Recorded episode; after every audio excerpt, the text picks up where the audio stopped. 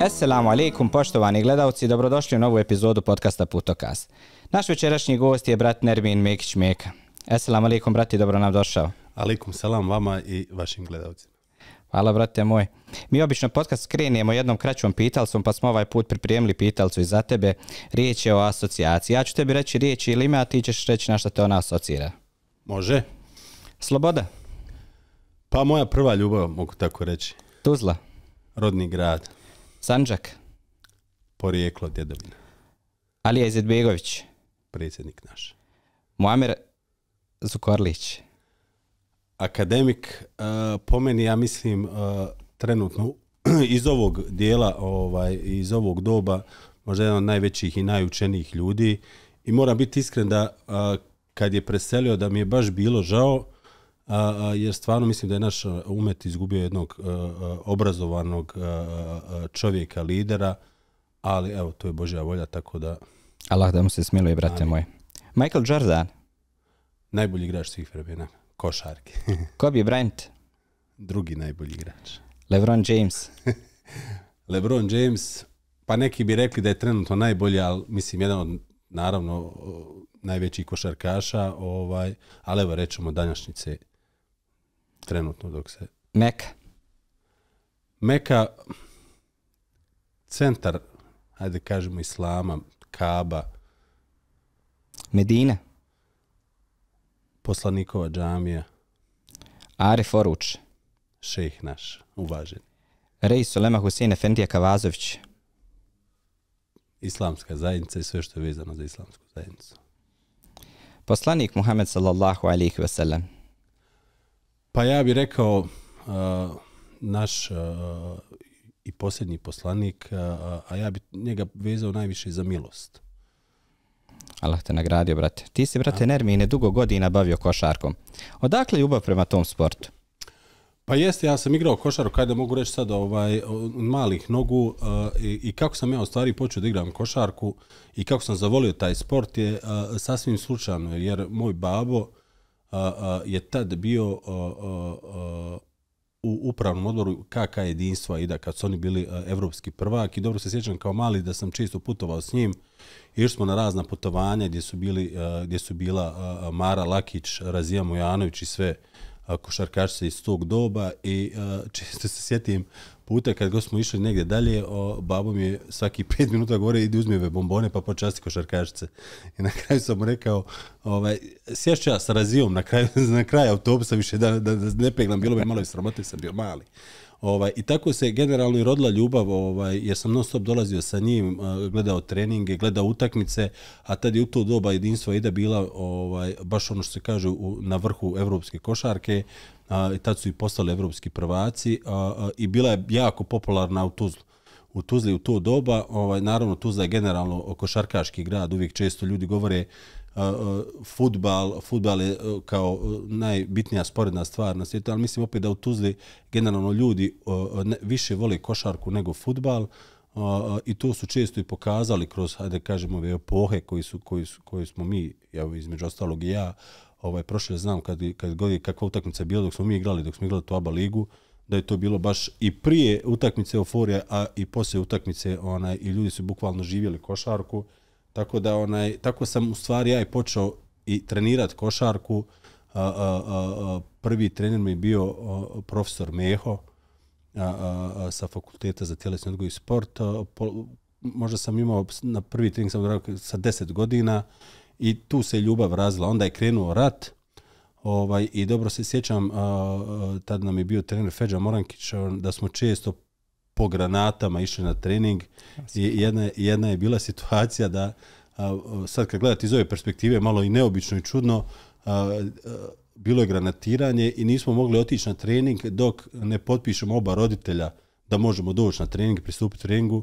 Ovaj sad kad gledam kad sam ja roditelj iz ove perspektive ne daj bože da se sad to desi mislim da nema šanse da bi pustio ovaj dijete da hoda po granatama. Ali evo tad je taka, takva bila situacija i tako je to sve i krenulo što se tiče košarke. Generacija slobode koju si ti pripadao je možda i najbolja i najefikasnija posljeratna generacija.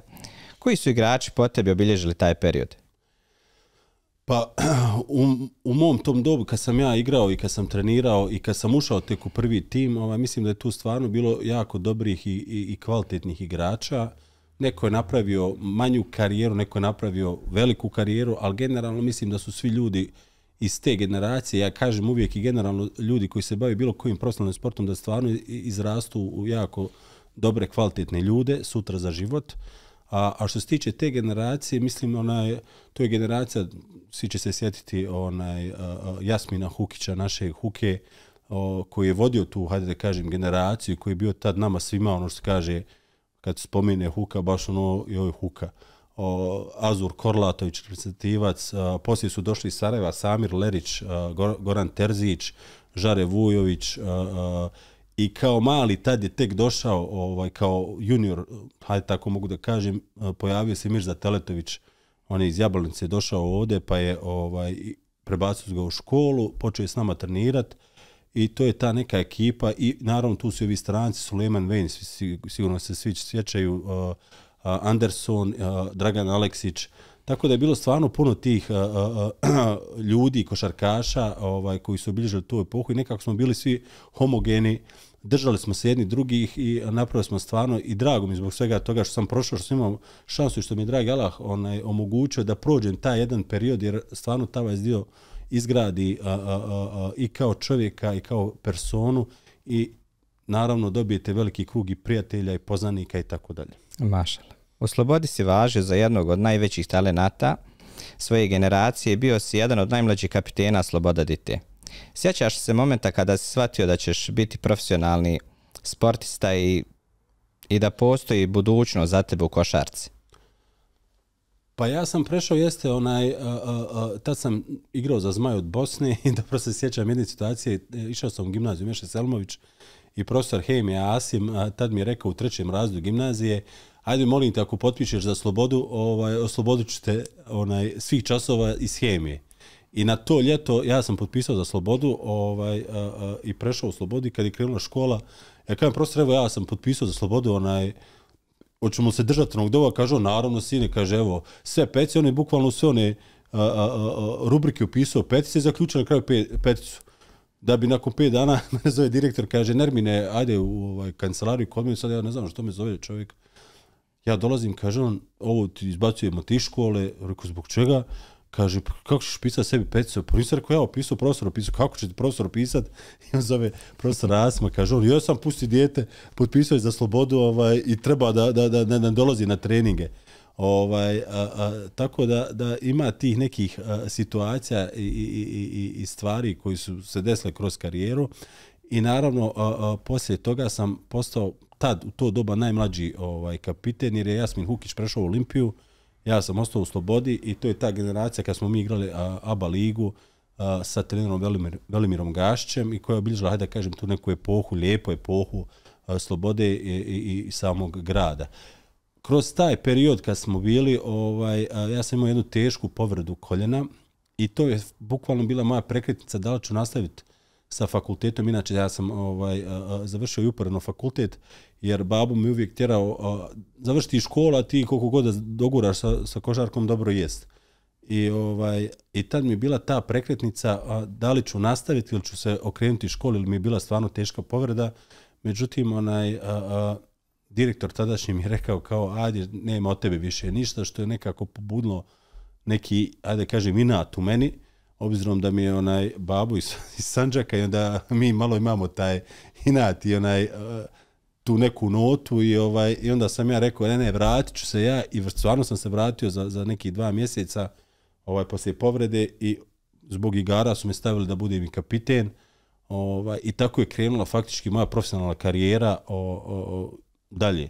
E sad, znate kako je u sportu, sport vas treba pratiti pored vašeg grada, truda, talenta, treba tu ono što se kaže malo sreće, ali ja opet kažem to je sve od dragog Allaha, jer svima nama je onaj taj neki put zabilježen. Ja sad kad gledam uh, unazad uh, i, i analiziram sve što se meni desilo kroz košarku, ovaj, uh, sam shvatio da je stvari sve, ono što kaže, dragi Allah, to fino poredao. Možda u tom momentu se nije baš činilo meni i nisam se možda zadovoljio tim, ali kad pogledam sad, mislim da, da sam dobio naj, najveću stvar i, i, i najljepšu stvar koju sam mogu dobiti što se tiče sporta. Ono što je zanimljivo jeste da si igrao za sve tuzlanske ekipe. za sve tuzlanske ekipe? Pa jeste, od studenta, pa, Zmaja i jest, Slobode. Igrao sam, igrao sam, igrao sam uh, za student sam igrao relativno malo zato što sam u tom periodu a, a, s njima sam se samo spremao ovaj, a, a, jer sam tad potpisao ugovor sa Saudijskom Arabijom u Saudijskoj Arabiji i ovaj a, tamo je malo kasnije počinjala sezona, pa sam odradio taj neki period dok nisam otišao tamo, ali jeste, dobro se to rekli, ono, na igru sam uz Maju sam krenuo, u Slobodu sam onaj, prešao i onda taj mali prelazni period onaj, u studentu i onda sam otišao van. Kad se prisjetiš perioda odrastanja u sport, igru na košarkaškim terenima ispred škole, kada pogledaš današnju omladinu i njihova odrastanja, šta smatraš da su bile prednosti i nedostaci tvog perioda, a šta ovoga danas? Pa dobro, to vam je odlično pitanje. Malo prije sam naveo da smo mi uh, uh, bukvalno u ratu po granatama išli da treniramo. Iz ove perspektive sad kako gledam o, ovu omladinu, iako baš nisam toliko uključen u sport ovaj, a, i u košarku zbog poslovnih obaveza, ali uspijem naći vremena malo da to ispratim, onaj, a, velika je to razlika.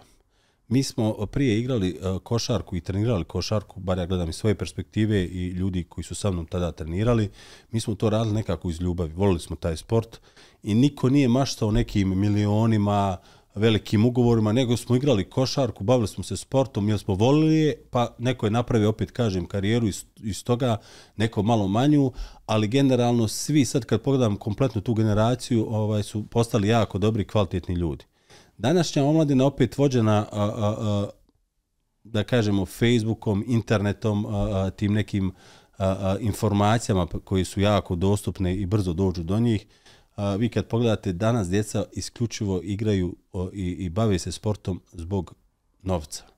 Znači njima je prioritet prvo novac, a sve ostalo. Tako da je to velika razlika. Vi kad radite nešto onaj iz ljubavi, često se iz toga i napravi jako lijep rezultat. Ali kad radite nešto namjenski, došte samo da zaradite novac a, a, i onda se tu dešavaju a, razna razočarenja, djeca, djeca omladina padnu neku, hajde da kažem, vidi da nije to, to, da nije uspio da, da, da napravi to što je on zamislio, ovaj, onda, onda često skrenu, on se kaže, stramputicu, a, nažalost, i mislim da današnja djeca žele sve instant, To znači daj mi preko noći da zaradim novac, da napravim rezultat što nije moguće ne samo u sportu nego i u životu i u, u, u bilo kakvom poslu i, i u obrazovanju. Znači treba neki period strpljenja, rad, rad, rad i onda tek dolazi rezultat.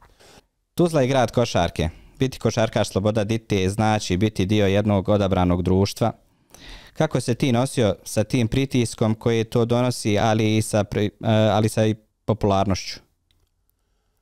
Pa gledajte jednu stvar, onaj, uh, uh, ja opet malo, malo i, i ružno i teško govoriti o samom sebi, ali generalno ja sam uvijek nekako osoba koja nije volila baš eh, da bude eksponiran, koja nije baš volila da bude u tom nekom centru pažnje, jer nekako sam takav sam, ne volim te stvari.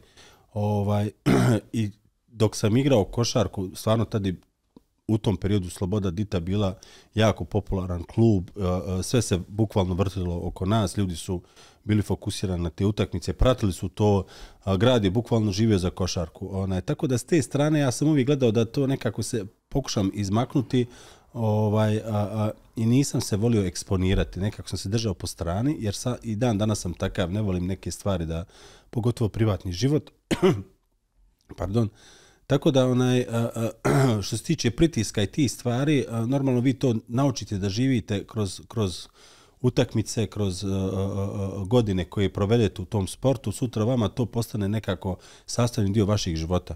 Ovaj a, a, a, ja sad kad evo analiziram iz ove perspektive kad se sjetim punog Majdana, a, a, mislim mene sad uhvati neka ajde kažem trema, jeza i oj kako sam ja, ali u tom periodu kad izađete pred tad je bilo 7-8 ljudi su stojali po, po, sa strane na stepenicama, stvarno je bio krcat medan, čak je dosta ljudi ostalo ispred medana, nekako to nisam baš doživljavao na taj, na, na taj način, nek sam ono bio fokusiran na utakmicu, ovaj, ali uh, vjerovatno je to drugačije kad vi gledate sa tribina nego kad ste dole na terenu.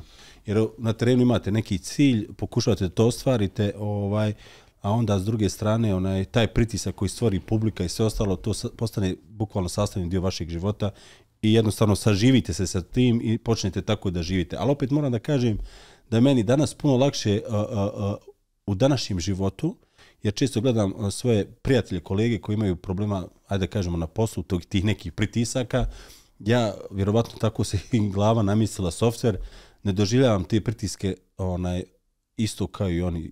I to je taj isto jedan plus u, u sportu koji vam ovaj koji vas nauči u životu da nosite neke stvari onaj malo drugačije naravno i uz vjeru koja vas usmjeri na pravi put kako to treba šta to treba da se iznese i onda se to sve nekako lijepo posloži u starim danima Koja je tvoja najdraža utakmica u karijeri? pa moja najdraža mislite u, u, u Bosni ili vani kad smo igrali Inače. Inače, pa imam dvije utakmice koje su mi najdraže. Jedna mi je utakmica kad sam igrao za Slobodu, a to je utakmica protiv Cibone. Tad je Cibone bila, bila euroligaški klub sam sa, ja, e, na čelu trenerom Jasminom Repešom i stvarno smo imali vrhunski uh, klub uh, i ekipu i dobro se sjećam prvu utakmicu koju smo igrali s njima na početku sezone izgubili smo oko 40-50 razlike i na pres konferenciji onaj, bili smo trener Velimir Gašić i ja i ljudi su se bukvalno smijali kad je on izjavio da ćemo mi njih dobiti u Tuzli. I onda je 25. sjećam se datuma decembra bila ta utakmica krcat medan full puno ovaj a, a, i mi smo dobili tu utakmicu koja nam je trebala a, za ulazak na Final Four ta i još jedna utakmica nažalost tu sljedeću utakmicu protiv Krke smo izgubili ali ona je jedna od najdražih utakmica mi je ta i druga utakmica je utakmica u Saudijskoj Arabiji kad smo igrali uh, derbi uh, utakmicu uh, Al Uhud, tad sam ja nastupao za Al Uhud iz Medine po onaj uh, poznatom vama imenu.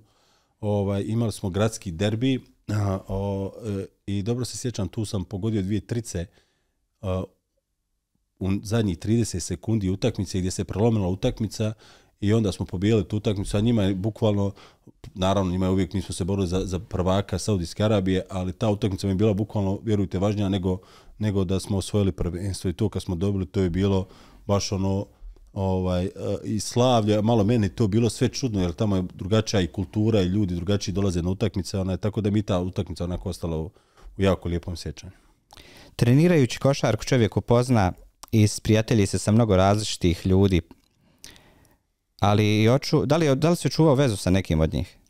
Pa gledajte, sa, sa gotovo svim uh, uh, igračima s kojim sam ja igrao, sam ostao u kontaktu.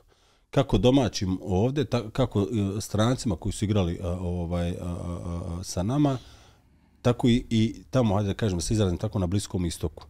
Ovaj, I to je isto jedno bogatstvo koje čovjek stekne, dobijete stvarno iskrene prijatelje i stvarno se kad se kad god se sretnemo onaj uh, prisjetimo se tih momenata trenutaka i bude to stvarno jedan lijep a, a, trenutak a, i smijemo se sjetimo se različitih anegdota koji se koji nekad nisu iz ovako za za kamere ali onaj prođe to čovjek sve onaj a, a, a, a, tako da ostao sam sa većinom u kontaktu a, a, imam i danas a, a, te ljude često sad to iskoristim za posao svoj kojim se bavim Tako da ona jesam uglavnom svi su tu prijatelji, sa nekim se češće čujem, sa nekim malo ređe, ali uglavnom sa svima sam super.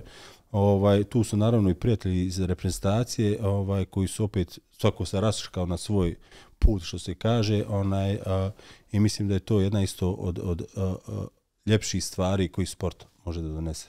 Koliko uspijevaš trenutno pratiti slobodu i vidiš li među ovim mladim momcima neku novu nadu BH košarke? Pa iskreno da vam budem, a, zadnji period stvarno nemam a, a, toliko puno slobodnog vremena. A, a, bio sam na par utakmica i moram biti iskren, a, a, a, ne mogu sad ni analizirati, niti davati neki komentar a, vezano za, za momke koji tu igraju, jer a, a, nisam baš detaljno to nešto gledao, analizirao.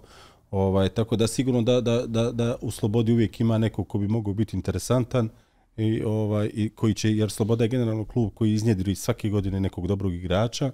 Ovaj tako da al generalno ne pratim sad puno košarku, ne pratim puno sport zbog kako porodičnih obaveza, tako poslovnih obaveza. Kad stignem pogledam, eto. Sigurno da NBA liga vrhunac ovoga sporta. Koliko uspjevaš pratiti NBA i koji su po tebi najbolji igrači današnjice, a koji svi vremena? Pa i NBA pogledam onako ono kad bude završnica, ali e, pratim, pratim uglavnom naše igrače koji igraju sa naših prostora, na primjer naš Jusuf Nurkić, njega često pogledam, ako ne pogledam na utakmicu, pogledam onako statistiku da vidim šta je napravio. Ovaj, jer mi je drago zbog svih tih ljudi koji su uspjeli, ipak NBA, NBA, onaj, uh, a, najbolja košarka se tamo igra i kogod dođe, evo Mirza Teletović je jedan od prvih koji je potpisao Bosanac u NBA I mislim da sama ta stvar koju radio e, je krupna stvar. Mi koji smo se bavili tim sportom znamo šta to znači. Dimenzija za sebe. Ma to je to vam je bukvalno ono to, druga dimenzija, drugačiji svijet i, i tu, tu vam se vrte ogromni novci. A, a, a, stvarno čovjek, evo često sam pričao s Mirzom pa mi on onaj, a, neke stvari prepričavao. Bukvalno tamo vam je to sve show biznis, e, sve se naplaćuje nema ništa, ono što se kaže, onaj, uh, dobro, sjećam se jedne anegdote kad mi ispričao za PlayStation, uh, pošto tamo igrači moraju svi potpisati autorizaciju da bi se njihovo ime našlo na, na uh, videoigrici. I uh, kad su došli iz EA Sport uh, uh, uh, za, koji pravi tu igricu, da on je ono poletio da potpiše, kaže njemu menadžer, hvala polako, gdje si? Pa kaže, super, ono, djeca će uposti mi je za Teletović. Međutim, kad mi on rekao polako, moram nešto i naplatiti. I kad mi rekao cifru koju je dobio, samo što je potpisao, kaže on, ja bih ja to potpisao samo da budem u NBA, da ne, ne treba mi ništa. Ali ovaj kaže, bukvalno se sve naplaćuje i bukvalno možete onaj da zaradite jako ozbiljne novce. I sigurno s druge strane, to je lijepa strana medalje, s druge strane imate i ovu stranu koju on naravno ispričao da je to tamo, znači, fizički napori, psički napori, jer ipak tamo se vrte ogromni novci, niko vas neće platiti da vi se tamo zezate. I ovaj i čovjek se strašno istroši kako fizički tako i psički ovaj što se i njemu desilo on imao imao nezgodu sa sa tom povredom pa se morao morao prekinuti karijeru al opet mislim da je napravio jako veliku stvar.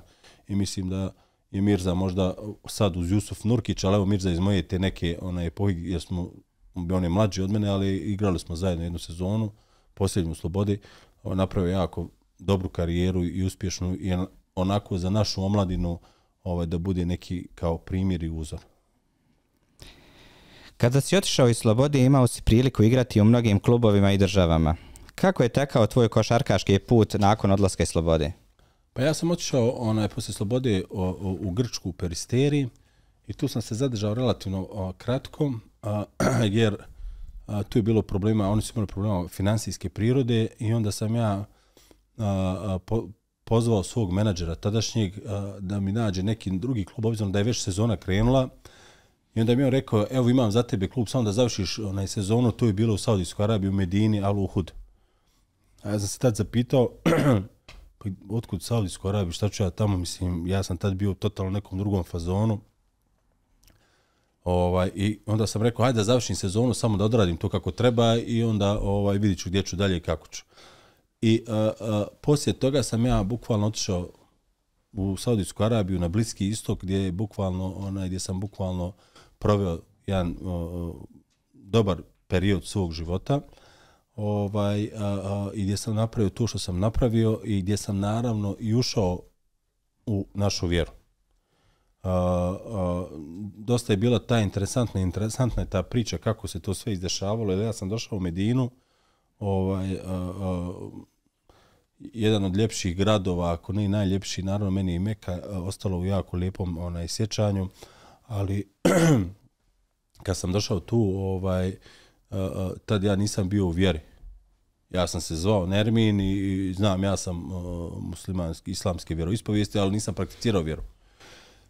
I onda sam, onaj, sa mnom bio tad Rahmetli Jakub Genjac, on je preselio, nažalost, prošle godine, u Salah smiluje. Amin. Ovaj, a on je opet bio u vjeri, on je opet bio u vjeri a, a, i kad smo došli, dobro sjećam tog momenta u hotel, on je meni rekao, ajde požuri, obuci se, okupaj se, uzmi abdest i da idemo poslanikov džamiju. ja nisam znao ni uzeti abdest. Ja njemu kažem, bio brate, nemoj mi pogrešno shvatiti, ja, ja ne znam uzeti tablice, ja nikad nisam ušao u džamiju. I on mi je rekao, kao, nemoj se kira, brate, sad ću ja tebi pokazati kako se to radi. I onda kad smo ušli u harem, i poslanikov džamiju, dobro se sjećam tog momenta, onaj, on je krenuo da klanja i počeo da plače. I ja ono zbunjeno gledam u njega, rekao, što brate, plačeš? Pa kaže meni, znaš ti gdje si ti došao? Pa rekao, znam džamija, mislim, nisam tad u tom momentu o, o, mogu da percipiram gdje smo stigli i šta će se desiti u nekom mom, budućem životu.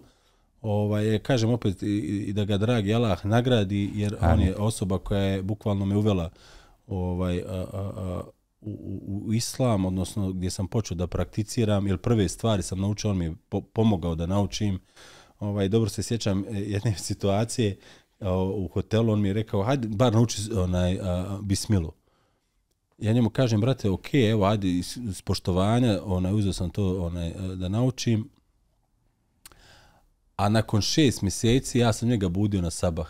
I dobro se sjećam, ja njega budim na sabah i ovak si na kraju gleda u mene, kaže on, subhanallah, kaže, brate, kaže, kaže, prije pet mjeseci, šest mjeseci nisi ništa znao, ti mene sad budiš da klanjamo, da ne zakasnimo na, na, na, na sabah. Tako da je to taj neki period kad sam ja onaj ušao ovaj, uh, uh, u vjeru i, i pa da kažem, sad kad gledam zove presvijed, Allah dragi, mislim, neizmjerno sam zahvalan na svemu tome, me uveo baš u, u tom mjestu, svetom mjestu Medini, a poslije sam otišao u Meku, ovaj, gdje sam također igrao za Al Vektu klub, onaj, i tako je krenuo moj put, što se kaže, Islama i učenja vezano za Islam. Bili bi nam mogao opisati svoje stanje prije dolaska u Medinu? Pa znate kako, ja sam bio ko, o, kao i većina omladine, pogotovo tad sam ja bio sportista i bi, imao sam neke druge stvari u glavi. A, a, meni je bio prioritet da ja zaradim te neke novce, da ja imam neki taj a, luksuzan život, da ja a, živim tim nekim lakšim životom na i to mi je bio prioritet. Međutim, tamo kad sam otišao, kad sam spoznao, hvala dragom, i kad, kad sam ušao u sve to i, i kad mi vjera ušla iskreno u srce, onda sam shvatio da, da, da bukvalno nije to taj život kojim sam ja trebao da živim.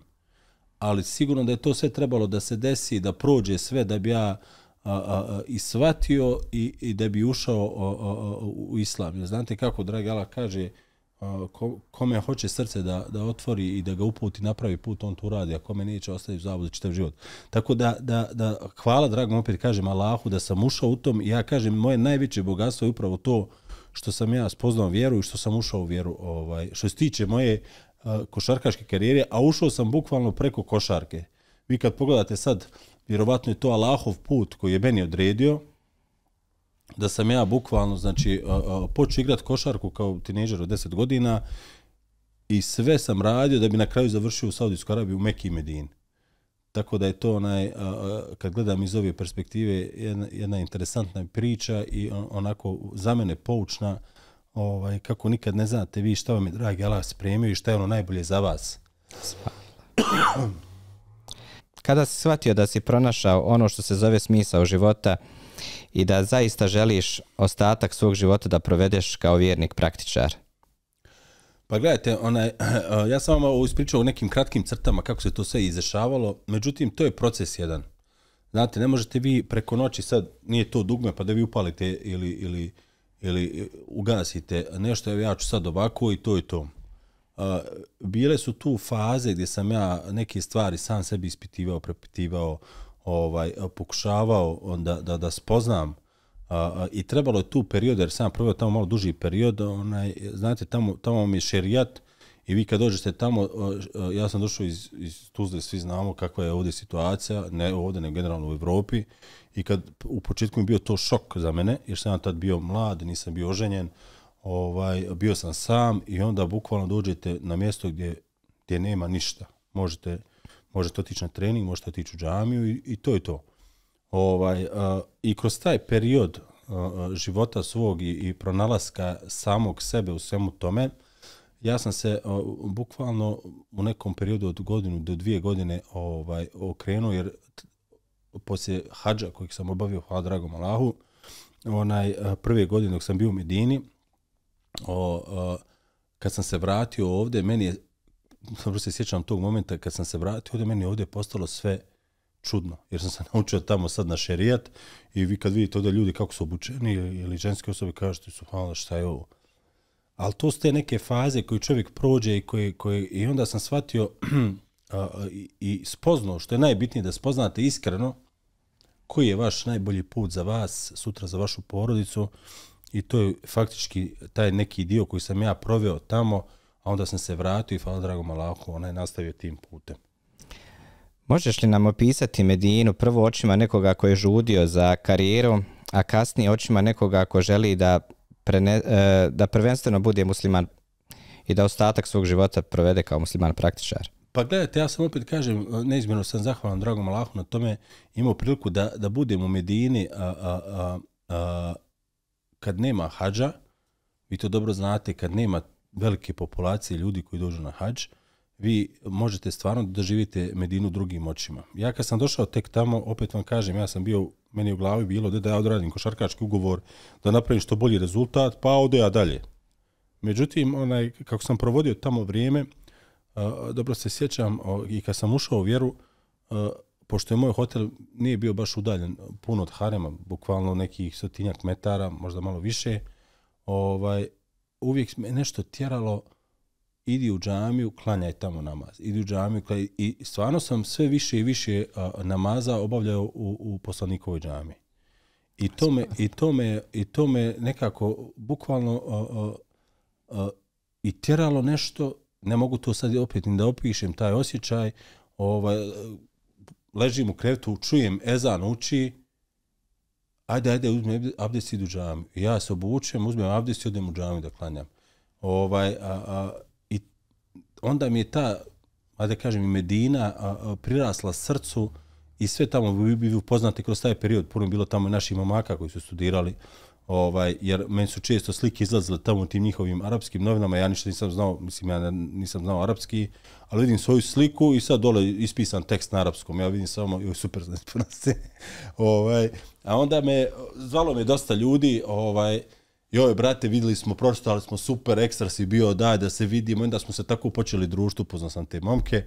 Ona i onda smo počeli zajedno da provedemo vrijeme, dolazili na utakmice da mene gledaju, Ovaj, tako da je to bio jedan onako lijep period. Upoznate vi tamo i drugih ljudi, upoznate ljudi koji su došli iz Pakistana, iz, iz Egipta, tako da i tamo ima jedna lepeza ljudi, ovaj, a da kažem, i svakakvih profila i, i, i, i različitih nekih, a da kažem, gledišta i tako da je tako. Tako da Medina je po meni, eh, uh, često ljudi pravi komparacije između Medine i Meke, i svi, svi većinom kažu najljep, puno je ljepša Medina, pitomija je, ali ja moram istaći da je meni Meka ostala jako lijepom sjećanju, ovaj, da li je to zbog ljudi, naravno sve to mjesto je, imao sam priliku i tu mi je hotel bukvalno bio pre, preko puta Harema.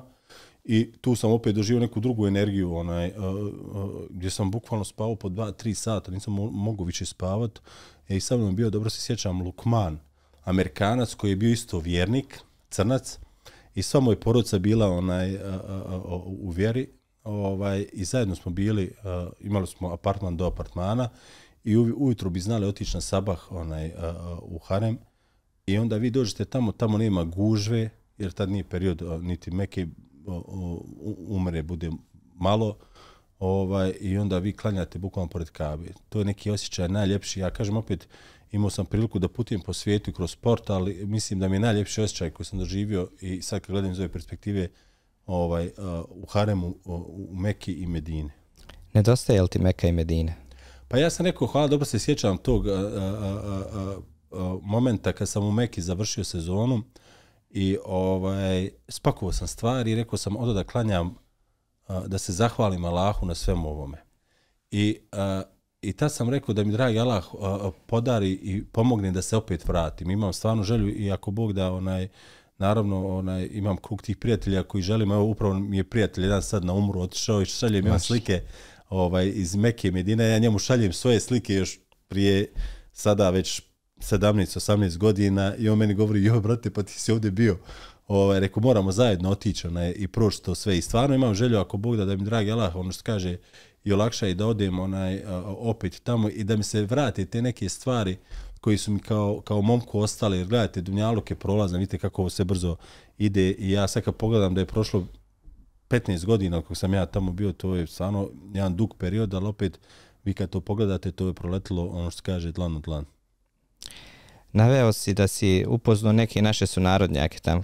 Možeš nam navesti neke od njih? A mogu kako ne mogu, onaj, tu je bio Almir, uh, mislim da Almir se vratio sad u Sarajevo, Nermin Skula, on se vratio u Zencu, uh, uh, Suča, on je moj zemljak iz Sanđaka, često smo se zali Zeme, uh, Abu Salam, on je ovdje, to znam da je ovdje i dobro sjećam u Prinčevoj džami na, na, na, na džumi jednoj, neko me zove Meka, Meka, Sokri, se kad Abu Salam, malo, mašala, malo je dobio na, na snazi, pa rekao, brate, šta je to? Kaže, brate, radim sad, pa nemam više vremena, on ajde, ko dobro je mašala. Tako da je bilo je tu stvarno dobrih i kvalitetnih momaka, onaj, koji, s kojima sam stvarno ostao i dan danas dobar, ovaj, kad god se sretnemo, stvarno sjednemo, ispričamo, spopimo kafu, što se kaže, onaj, i prisjetimo se ti neki stvari. Jer svi smo mi bili neki momci ovaj, e, u nekim ranim fazama naših života ovaj, i sad to kad pogledate iz ove perspektive, malo se i nasmijete, malo i onaj, e, prokomentaršite te neke stvari, momente koje smo prolazili zajedno, tako da ja sam ostao sam, onaj, ima tu momaka koji su i dan danas i ovdje i u Sarajevu i, i u Sanđaku, tako da ostali smo u kontaktu. Maš. Na svijetu možda ne postoji pored tebe musliman stranac koji je možda aj da, da tako kažem, je igrao u dva svijeta grada, u Mekke i Medini. Možeš li, e, kako je došlo u stvari do toga da prijeđeš iz Medini u Meku? ovaj, sjećam se tog momenta, onaj, a, a, ja sam igrao u Medini dvije sezone i onda kad se završila ta druga sezona, a, a, menadžer me nazvao i kaže a, a, e, evo već možemo potpisati e, za treću godinu ugovor i evo ekipa je već navala da to završimo odmah prije nego se ja vratim u Bosnu ovaj, da se ne bi ja predomislio otišao neki drugi klub. Ja kažem dobro a koji je klub u pitanju? Kaže Al Vehda kaže iz Mekke i sjećam se evo ko sad ja sam bio u hotelu ja sam sjeo, rekao, rekao iz Mekke i sjeo sam na kraju da kažem suhala sad odu u Meku. I tad sam spustio ono slušalicu, kontam u sebi, čime, a moram ispričati jednu anegdotu, dok sam igrao u Medini, došli su, tad su došle naše hađije na hađ, i ovaj, i ja otišao da, da vidim naše ljude, popijem kafu, pošto znate, arapska kafa je malo drugačija nego naša, i onaj, jedan hađa, Rahmet mu duši, on je preselio, ja e, rekao sam svojoj majici, rekao, ne majko, pošalji mi kilu kafe da napravim sebi kafu, poželio sam našu kafu. I onaj, kao on će mi donijeti. Ja dolazim u hotel, sve tu puno hađija naši, koji mene, otkud ti, e, nisu ti s nama došao. Jedan djedić sjedio tu baš. I sjedi dedo, kaže meni, sine, kaže, nisi ti došao s nama, kaže, ono, otkud ti, šta radiš ti? Pa rekao, dedo, ja igram ovdje, rekao, košarku. I on gleda u mene i kaže, on, a sine, kaže, onaj, jel te plaćaju to što igraš? Pa rekao, plaćaju. Kaže on, e, subhanallah, kaže, ja čitav život skupljam pare, da dođem na hađ, a tebe, dragi Allah, pozvao ode još zarađuješ pare, kaže, šta li si ti uradio, dobro, pa te, dragi Allah, počasti. To nikad neću zaboraviti. Ovaj, ja onda opet dođem u hotel, normalno, to tu su fazi, kad sam ja eh, ulazio u islam, pa sjednem, pa se zapitam, kajem, dragi Allah, šta je ovo? Ovaj, I onda sam, kad sam prešao u Meku, ovaj, eh, imao sam jednu tešku povredu, onaj, ali tu su bili stvarno divni ljudi i onaj, provio sam tu taj period. u početku je bilo malo onako zbog te povrede i svega, ali opet tad sam već ono, ušao ozbiljno u vjeru i onaj, e, uzdao sam se u dragog Allaha. Tad sam i drugačije totalno razmišljao, jer znao sam da je sve od dragog Allaha. I da će to dragi Allah sutra, ono što se kaže, uraditi što je najbolje za mene, što je bilo. Tako da a, a, te stvari su mi uvijek ostale u sjećanju kad su u pitanju Meka i Medina i stvarno me vežu lijepe uspomene. Imam, tad nije bilo ovako ovi dobri telefona, pa da imao sam neke telefone, slikao sam vam dosta tih slika, ali onaj e, često otvorim neke video pa sam snimao tamo pored harema ovaj sa sa kolegom Milu Kumanom što smo igrali zajedno i onda čovjek se prisjeti tih momenata vidim koliko sam bio mlad al dobro je mač Meka je e, Meka je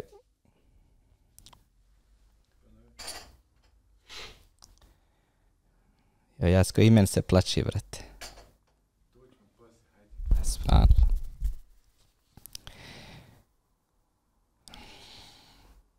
Da malo vode.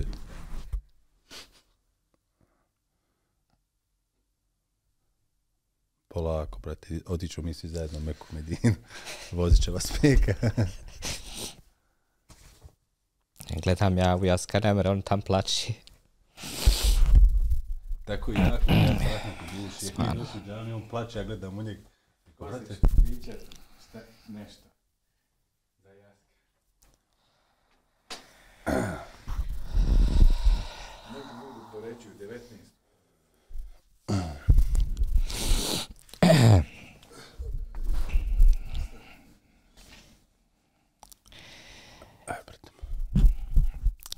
Meka je blagoslivljeni grad. Namaz u njoj vredi 100.000 puta, brate moj. Možeš li nam opisati osjećaj kako je klanjat pored Kjabe? Pa gledajte, onaj, sjećam se i tog perioda a, a, iz Meke, stvarno, onaj, nisam, nisam onaj, mogao vjerovat, često sam gledao gore prema nebu, ovaj, pored Kabe, ali nije bilo gužve, nije bilo svijeta onaj, u tom periodu kad sam ja bio, još nije krenuo hadž i ovaj, a, to je neka nevjerovatna energija. I uvijek to ponavljam, onaj, a, a, uvijek to ponavljam, najljepši trenutak u mom životu i najljepše osjećanje koje sam ja doživio, doživio sam upravo pored Kabe, naravno u poslanikovoj džamiji, ali pored Kabe opet bilo onaj a, a, a, a, poseban osjećaj. I to je nešto što ja do sad, evo, mislim, hvala Bogu, opet ponavljam, prošao sam, obišao sam puno o, o, Dunjalu, kao što se kaže, bio sam u različitim državama, zemljama, gradovima, ali to je nešto najljepše što sam ja mogao doživjeti. I kako vrijeme moje prolazi, ja tek osjećam i vidim sad a, a, a, a, a, koliko me dragi Allah počastio i neizmjerno sam zahvalan na tome što mi se sve desilo, jer onaj, često upoređujemo, mi sportisti znamo upoređivati ovaj napravio bolju karijeru, ovaj napravio, ja kažem, ne bi svoju karijeru, koja opet kažem, bila skromna za sve ove moje prijatelje koji su napravili, kao što su Mirza Teletovićev i ostali, ne bi je zaminuo za ništa što su oni dobili. Jer ovo što sam ja dobio, mislim da, da, da hvala dragom Allahu, najve, najveća blagodat koju čovjek, insan, mogao dobiti tokom svog dunjalučkog života. U tom periodu je se obavio i hađ, muslimansko svijeto hodočašće. Možeš li nam opisati svoja osjećanja i doživljaje tokom obreda hađa? Pa i to je priča za sebe. Ja, onaj, a, to je bilo prve godine kad sam bio u Medini i uh, Rahmet mu duš Jakub Genjac, kad je došao period hađa, kaže o meni, brate, da obavimo mi hađ, to nam je najbitnije, a sutra ako dobijemo otkaz, nema veze, brate, obavili smo hađ. Ja gledam u njega, kažem, brate, onaj, nisam ja spreman za hađa, nisam ja još toliko ušao u vjeru, i ona da ga dragi Allah opet kažem nagradi Amin. kaže on meni onaj brate nemaš šta izgubiti ovo možeš samo dobiti s ovim i a, tako sam ja i odlučio i presjekao da odem na hađ i mi smo sačekali naše onaj hađije i dobro se sjećam ja sam otišao kod Efendije a, koji je bio vođa puta i zamolio ga pošto mi tamo znate kako je sve tamo organizovano i kad dođete tamo ovaj a, a, velika, veliki je broj to ljudi na jednom mjestu ljudi se lako izgube pa ne mogu da se pronađu. A, ja sam zamolio našeg efendiju isto također da ga dragi Allah nagradi a, da ga zamolim da nas dvojica krenemo s našim hađijama ovaj da se ne bi izgubili da ne bi ovaj a, napravili nešto pogrešno ili tako dalje. Tako da nam je on to omogućio ako nema problema naravno da ćete s nama ići. Ovaj i opet tu sam doživio, doživio neke druge stvari onaj a, a, kad smo bili upoznao puno ljudi tamo onaj a, s kojim smo s kojima sam i dan danas ostao u kontaktu ali to je stvarno isto jedna priča za sebe jedan doživljaj stvarno za sebe opet kažem u tom periodu ja nisam ni imao pojma kolika je to težina i šta to znači jednom insanu da, da, da uradi, da obavi i naravno da dragi Allah u Kabuli to sve što smo amin, obavili. Amin, brate moj. Ovaj, a, a, I sad kad iz ove perspektive gledam, opet kažem onaj hvala dragom Allahu na svemu onaj i, i što mi je omogućio da to da obavim i da uradim i ja molim dragog Allaha da u Kabuli ako Bog da Amin. ovaj i da nam uđe što kažu dobra djela. Kod našeg naroda titula hađi je nešto posebno, ali velika odgovornost. Kako se ti nosio sa tim pri povratku u Bosnu i Hercegovinu? Pa gledajte, obzirom sam ja u tom periodu ušao u, u vjeru a, a, i društvo